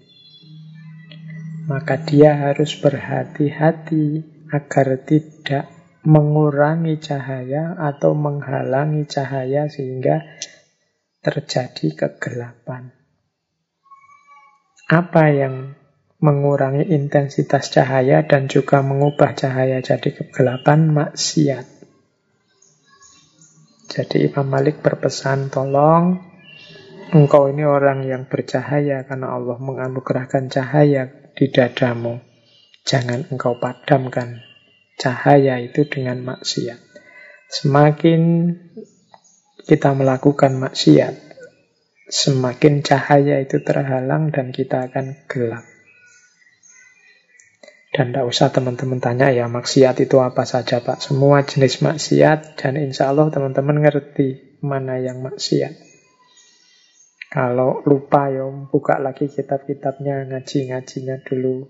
Bidayatul Hidayah apa-apa tentang dosa-dosa kecil maupun dosa-dosa besar. Itu yang bisa menggelapkan hidup kita, menjauhkan kita dari cahayanya Allah. Oke, Kalau ini teman-teman insya Allah sudah ngerti. Terus ada nasihat lagi terkenal dari Imam Malik pada Imam Syafi'i. Jadilah engkau orang yang paling banyak diam di antara manusia. Jika mereka benar, ikutlah di dalamnya, dan jika mereka salah, jangan ikuti mereka. Ini mungkin penting juga nasihat buat kita ya. Kita hari ini kan tidak betah untuk diam.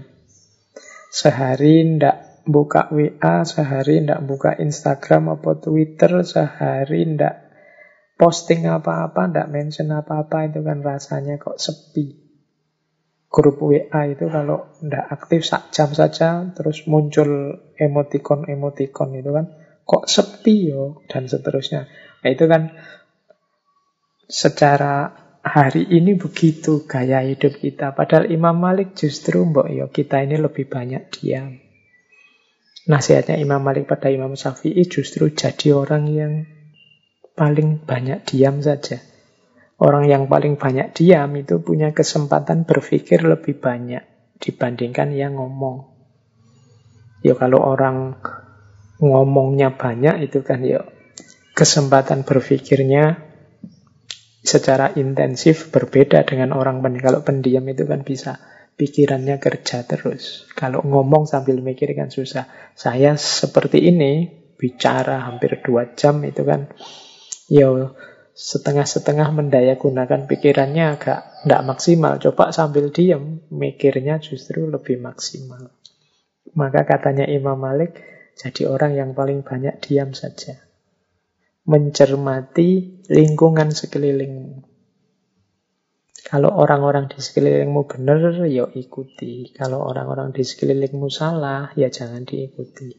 Ini berarti kan mulutmu diam, tapi pikiranmu jangan. Telaahmu terhadap masyarakat jangan.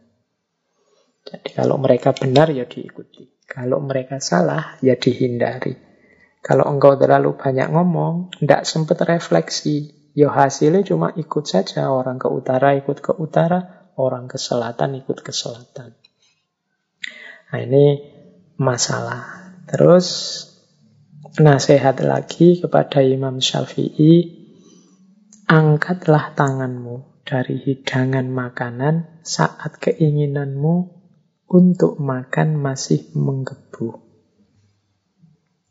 Ini mungkin dengan kata lain, nasihat ini ingin agar Imam Syafi'i jangan rakus, jangan serakah, jangan memuaskan egomu, jangan memuaskan keinginanmu sampai sak pol-pole, sak tuntas-tuntase.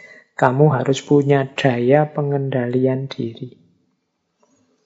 Mengangkat tangan dari hidangan makanan saat keinginan makan masih ada. Itu kan berat.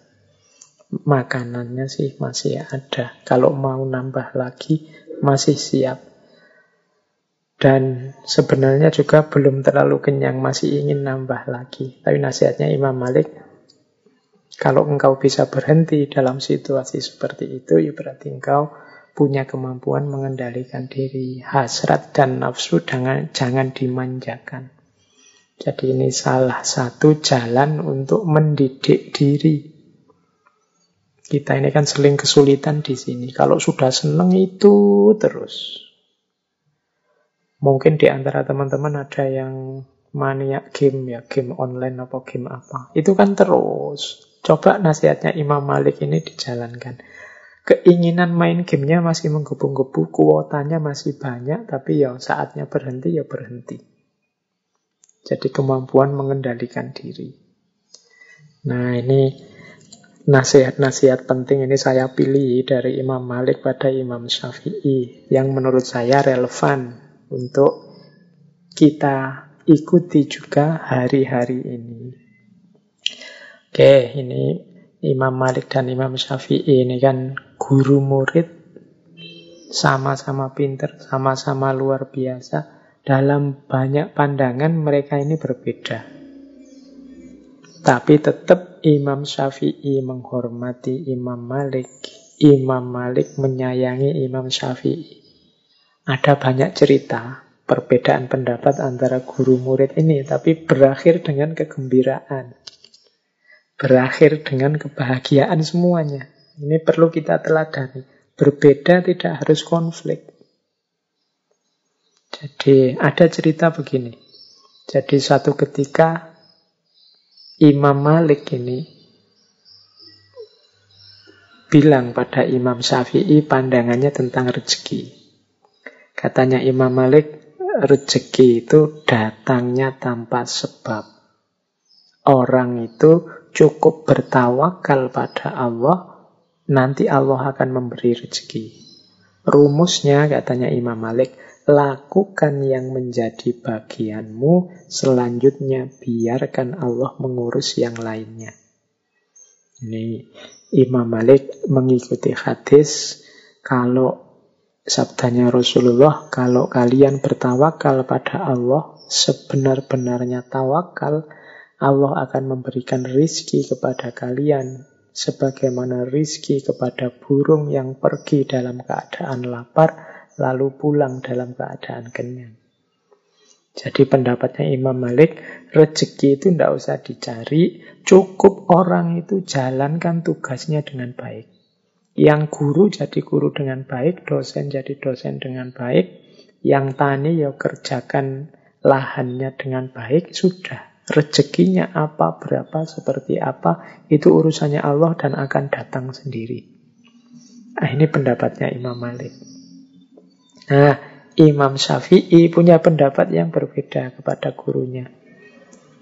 Wahai Syekh, karena tadi alasannya hadis seperti burung yang pergi dalam keadaan lapar lalu pulang dalam keadaan kenyang. Imam Syafi'i bilang, wahai Syekh, kalau burung itu tidak keluar dari sangkarnya, bagaimana mungkin ia mendapatkan rezeki? Jadi gurunya bilang rezeki itu tidak usah dicari, dia akan datang sendiri. Kalau Imam Syafi'i bilang ya ndak, rezeki ya harus dicari, harus dijemput. Nah ini beda pendapat, tapi ya ndak gegeran. Nah ada cerita terus. Suatu ketika, ketika Imam Syafi'i ini berjalan-jalan, beliau melihat serombongan orang sedang panen anggur. Wah, terus Imam Syafi'i, wah, ini ada kesempatan untuk dapat rezeki. Imam Syafi'i terus membantu panen anggur itu. Membantu orang panen. Nah, setelah panen selesai, Imam Syafi'i diberi imbalan beberapa ikat anggur sebagai balas jasa. Wah, ini seneng Imam Syafi'i ini dapat anggur lumayan ini. Selain dapat anggur ini saya mau menunjukkan ke guruku bahwa teoriku yang lebih benar. Datanglah Imam Syafi'i dengan membawa anggur pada Imam Malik. Ditaruhlah anggur itu di depan Imam Malik. Imam Syafi'i cerita pengalamannya tadi, membantu orang panen anggur. Terus Imam Syafi'i bilang, seandainya saya tidak keluar dari pondok kita ini dan melakukan sesuatu membantu orang manen, Ya tentu saja anggurnya tidak akan pernah nyampe di tangan saya ini yang kita makan bareng-bareng ini. Kalau saya diam saja ya anggurnya tidak datang. Ah, mendengar kalimatnya Imam Syafi'i ini, Imam Malik ya tersenyum. Kemudian dia ngincipi anggurnya. Loh, hari ini tuh aku tidak keluar ke mana-mana. Aku ya ngajar saja, seperti biasa. Tapi tadi itu aku mikir, Alangkah nikmatnya ya kalau panas-panas gini ada anggur datang. Eh tiba-tiba engkau datang sambil bawa beberapa ikat anggur. Loh bukankah ini bener aku toh? Lakukan yang jadi bagianmu, rezeki urusannya Allah. Nah, jadi dua orang guru murid pendapatnya beda masing-masing membawa bukti. Akhirnya bagaimana? Akhirnya dua-duanya sama-sama tertawa, sama-sama senang menikmati anggur bersama-sama. Ini adabnya orang beda pendapat. Berakhir dengan gembira, berakhir dengan bahagia saling tertawa bersama. Semoga kita juga begitu. Kita ini susah sekali kalau beda pendapat diakhiri dengan bahagia bersama, tertawa bersama. Sering-seringnya kita itu kalau beda pendapat berakhir dengan konflik, nambah musuh. Oke, kita lanjutkan. Nah, ini ada juga nasihat dari Imam Malik kepada kita untuk tahu batas. Jadi karena memang ilmu agama itu bertaburan hal-hal yang goib sehingga bisanya kita cuma percaya saja. Yuk akal kita mungkin dipaksakan bisa membahas. Cuma hasilnya kalau katanya orang barat spekulasi-spekulasi. Jadi ada hal-hal yang cukup diimani saja. Kalau dipertanyakan malah jadi masalah. Ini kalau dalam bahasa saya ya kita harus ngerti batas kita. Jadi suatu ketika ada cerita di majelisnya Imam Malik ini, ada orang bertanya, mungkin ini orangnya belajar filsafat. Jadi pertanyaannya agak aneh-aneh. Wahai Imam Abu Abdullah, yang maha pengasih itu maksudnya Allah yang bersemayam di atas arsh. Ini mengutip surat Toha ayat 5. Ar-Rahmanu alal arsistawa. Bersemayam di atas arsh. Penanya ini kemudian tanya, bagaimana sih bersemayam di atas arsh itu? Wah, Imam Malik mendengar pertanyaan ini kemudian tampak tidak berkenan. Dari situ nanti lahir kalimat beliau yang terkenal sekali. Al-istiwa'u wairu majhulin. Wal kaif wairu ma'kul. Wal imanu bihi wajibun wasu'alu anhu bid'atun. Jadi istiwa itu bersemayam itu wairu majhul. Kita ngerti kan maksudnya orang bersemayam itu seperti apa. Wal kaif wairu makul. Tapi kalau bersemayamnya Allah itu wairu makul. Pikiran kita tidak akan nyampe seperti apa bersemayamnya Allah. Wal imanu bihi wajibun. Tapi kita wajib beriman. Wong ini Al-Quran yang bilang. Wasu'alu anhu bid'atun. Mempertanyakan hal ini itu bid'ah, mengada-ada. Kenapa disebut mengada-ada? Lawong wal kaifu wairu makul. Detail caranya, akal kita tidak akan nyampe. Jadi kalau minta jawaban pasti bagaimana Allah bersemayam, tidak akan bisa kita. Cukup kita imani bahwa Allah bersemayam. Seperti apa? Wallahu a'lam bisawab. Wasu'alu anhu bid'atun. Ini nama lain dari mbok kita tahu batas. Mari kita diskusikan hal-hal yang produktif, hal-hal yang positif untuk meningkatkan kualitas diri kita, kualitas hidup kita hal-hal yang memang tidak terjangkau dan hanya bisa diimani ya kita imani. Ini mungkin nasihat dari Imam Maliknya. Masih banyak tema-tema yang lain yang positif, konstruktif, produktif untuk kehidupan. Dibandingkan tema-tema yang kadang-kadang malah bikin rumit, bikin ruwet, tidak ada manfaatnya.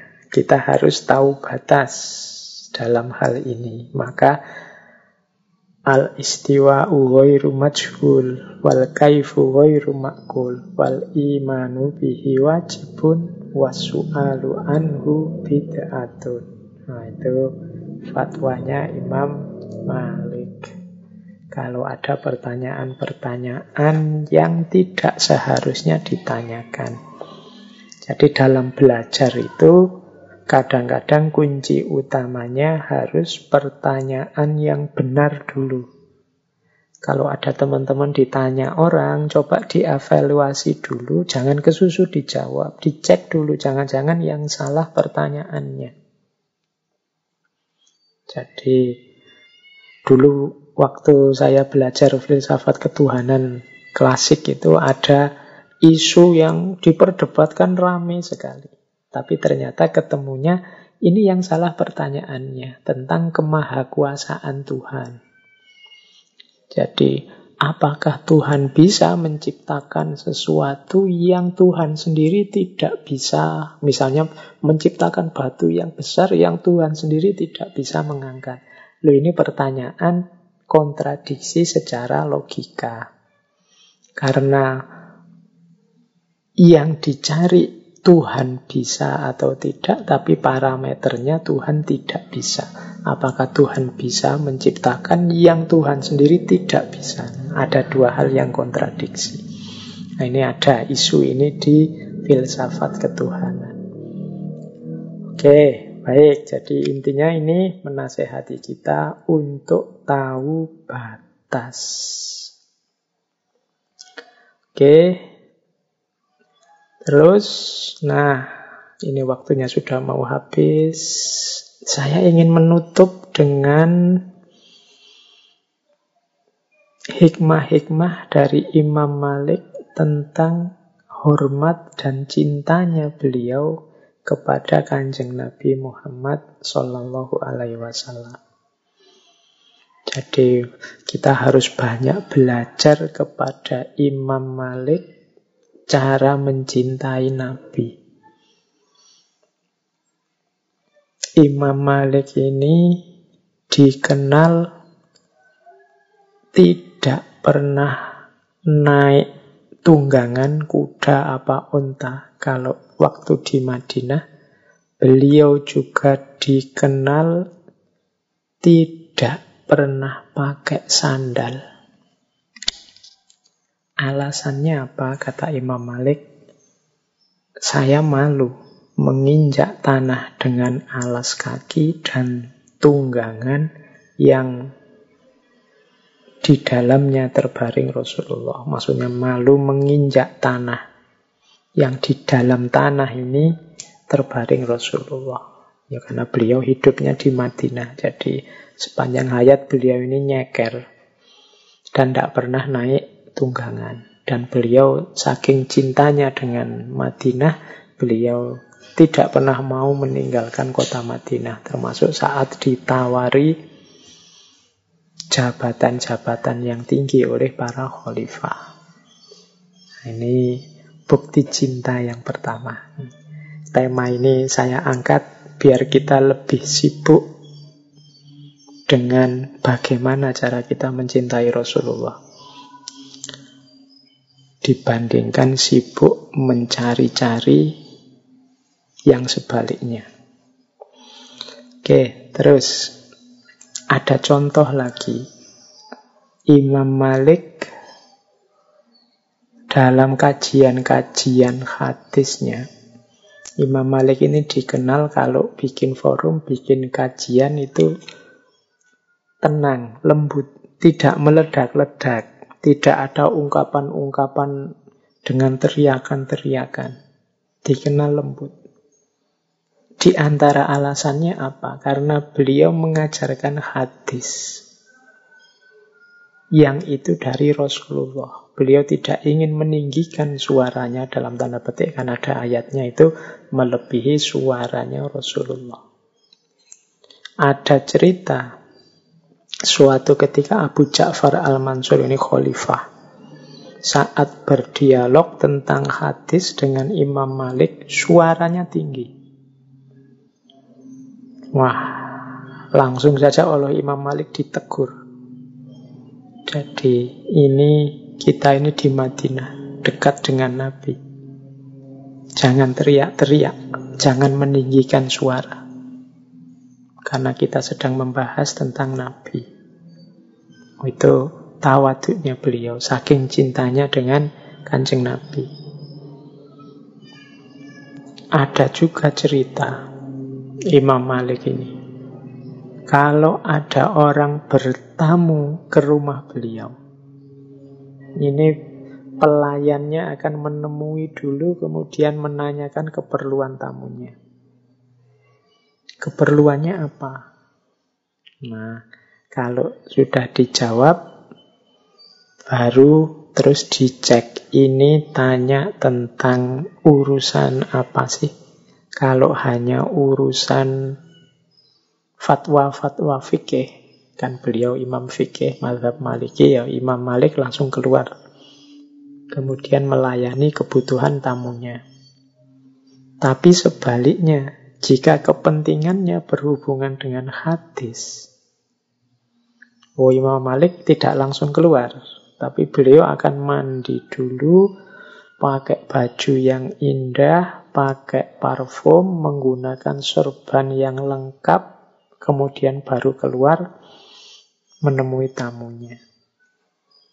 Ini karena beliau sangat menghargai Rasulullah, menghargai hadis yang sumbernya dari Rasulullah. Jadi membahasnya saja beliau tidak berani sembarangan.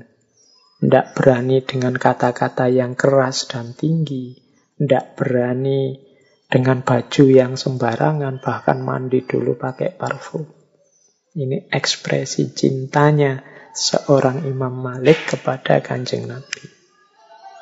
Ini boleh kita tiru, boleh kita ikuti. Ini wujud ekspresi penghormatan dan cinta kepada Rasulullah. Bahkan ada cerita, tadi kan di depan saya ceritakan bagaimana Imam Malik ini sempat mengalami hukuman cambuk karena fatwanya tentang bayat kepada khalifah. Nah, ceritanya Imam Malik ini dicampuki sampai pingsan. Saat pingsan dan siuman, beliau kemudian berkata kepada masyarakat Madinah saat itu, Saksikanlah wahai halayak, aku telah mengikhlaskan penderaku, aku telah mengikhlaskan, ku maafkan orang mencambui aku ini. Nah itu orang-orang heran, loh ini kok langsung dimaafkan ya, padahal dia telah menyiksa. Setelah ditanya jawabannya Imam Malik apa? Aku takut saat aku meninggal dan bertemu Rasulullah, maka aku sangat malu pada beliau jika ada kerabat Rasulullah yang masuk neraka gara-gara aku. Ja'far bin Sulaiman ini kan keponaannya Khalifah Al-Mansur. Yang kalau dari segi silsilah disambung-sambung ya nanti ketemu dengan kanjeng Nabi. Ketemu dengan Rasulullah. Nah, Imam Malik ini meskipun sudah disiksa, dicambuk, sampai pingsan, beliau tidak mau membalas, bahkan memaafkan. Alasannya apa? Aku takut nanti kalau aku meninggal ketemu Rasulullah, ada keluarga dan kerabat Rasulullah yang masuk neraka gara-gara aku. Meskipun bukan salahnya Imam Malik. Dia malu kalau ketemu Rasulullah. Mungkin khawatir kancing Nabi, oh ini ulama inilah yang menjadi sebab Ja'far bin Sulaiman masuk neraka. Mungkin itu bayangannya Imam Malik begitu. Sehingga langsung begitu sadar dimaafkan. Oke, itu salah satu bukti cintanya Imam Malik kepada Rasulullah. Baik, saya kira sudah ya. Masih adakah waktu? Oke, kalau masih ada saya tambah satu cerita lagi. Ini biar kalau tema-tema kayak gini enak cerita-cerita saja biar tidak terlalu berpikir. Ada cerita ini hubungannya dengan Rasulullah juga. Ini pelajaran buat kita. Jadi satu ketika Imam Malik ini dijamu murid-muridnya. Makan enak untuk buka puasa. Begitu melihat hidangan, ini Imam Malik menangis. Wah ini murid-muridnya heran. Wahai guru, kenapa menangis? Apa engkau tidak berkenan dengan hidangan yang kami siapkan? Imam Malik cerita bahwa hal yang sama dulu pernah dialami oleh guru beliau yaitu Imam Ja'far Sotik. Imam Ja'far Sodik itu pernah juga dijamu oleh Imam Malik untuk buka puasa dan dalam perjamuan itu Imam Ja'far Sotik juga menangis. Terus Imam Malik tanya, Wahai guru, kenapa kok menangis? Apa tidak cocok dengan hidangan yang saya siapkan? Terus Imam Ja'far Sotik menjawab, Wahai muridku, ketahuilah jika aku sekarang teringat kepada datukku Nabi Muhammad Shallallahu Alaihi Wasallam. Dulu ketika beliau masih hidup, beliau sering berbuka hanya dengan tiga buah kurma. Bahkan tak jarang karena tidak ada makanan lagi, beliau berbuka hanya dengan sebutir kurma. Itu pun dibagi dua dengan istri tercinta. Sayyidatuna Aisyah radhiyallahu anha. Padahal beliau adalah nabi akhir zaman, makhluk paling mulia dan kekasih Allah. Meskipun demikian, nabi tetap merasakan nikmat dan bersyukur serta memperbanyak ibadah kepadanya. Jadi Imam Ja'far Sotik ini terharu melihat hidangan kok ya enak-enak padahal dulu Rasulullah itu makan hanya tiga kurma kadang satu kurma dibagi dua.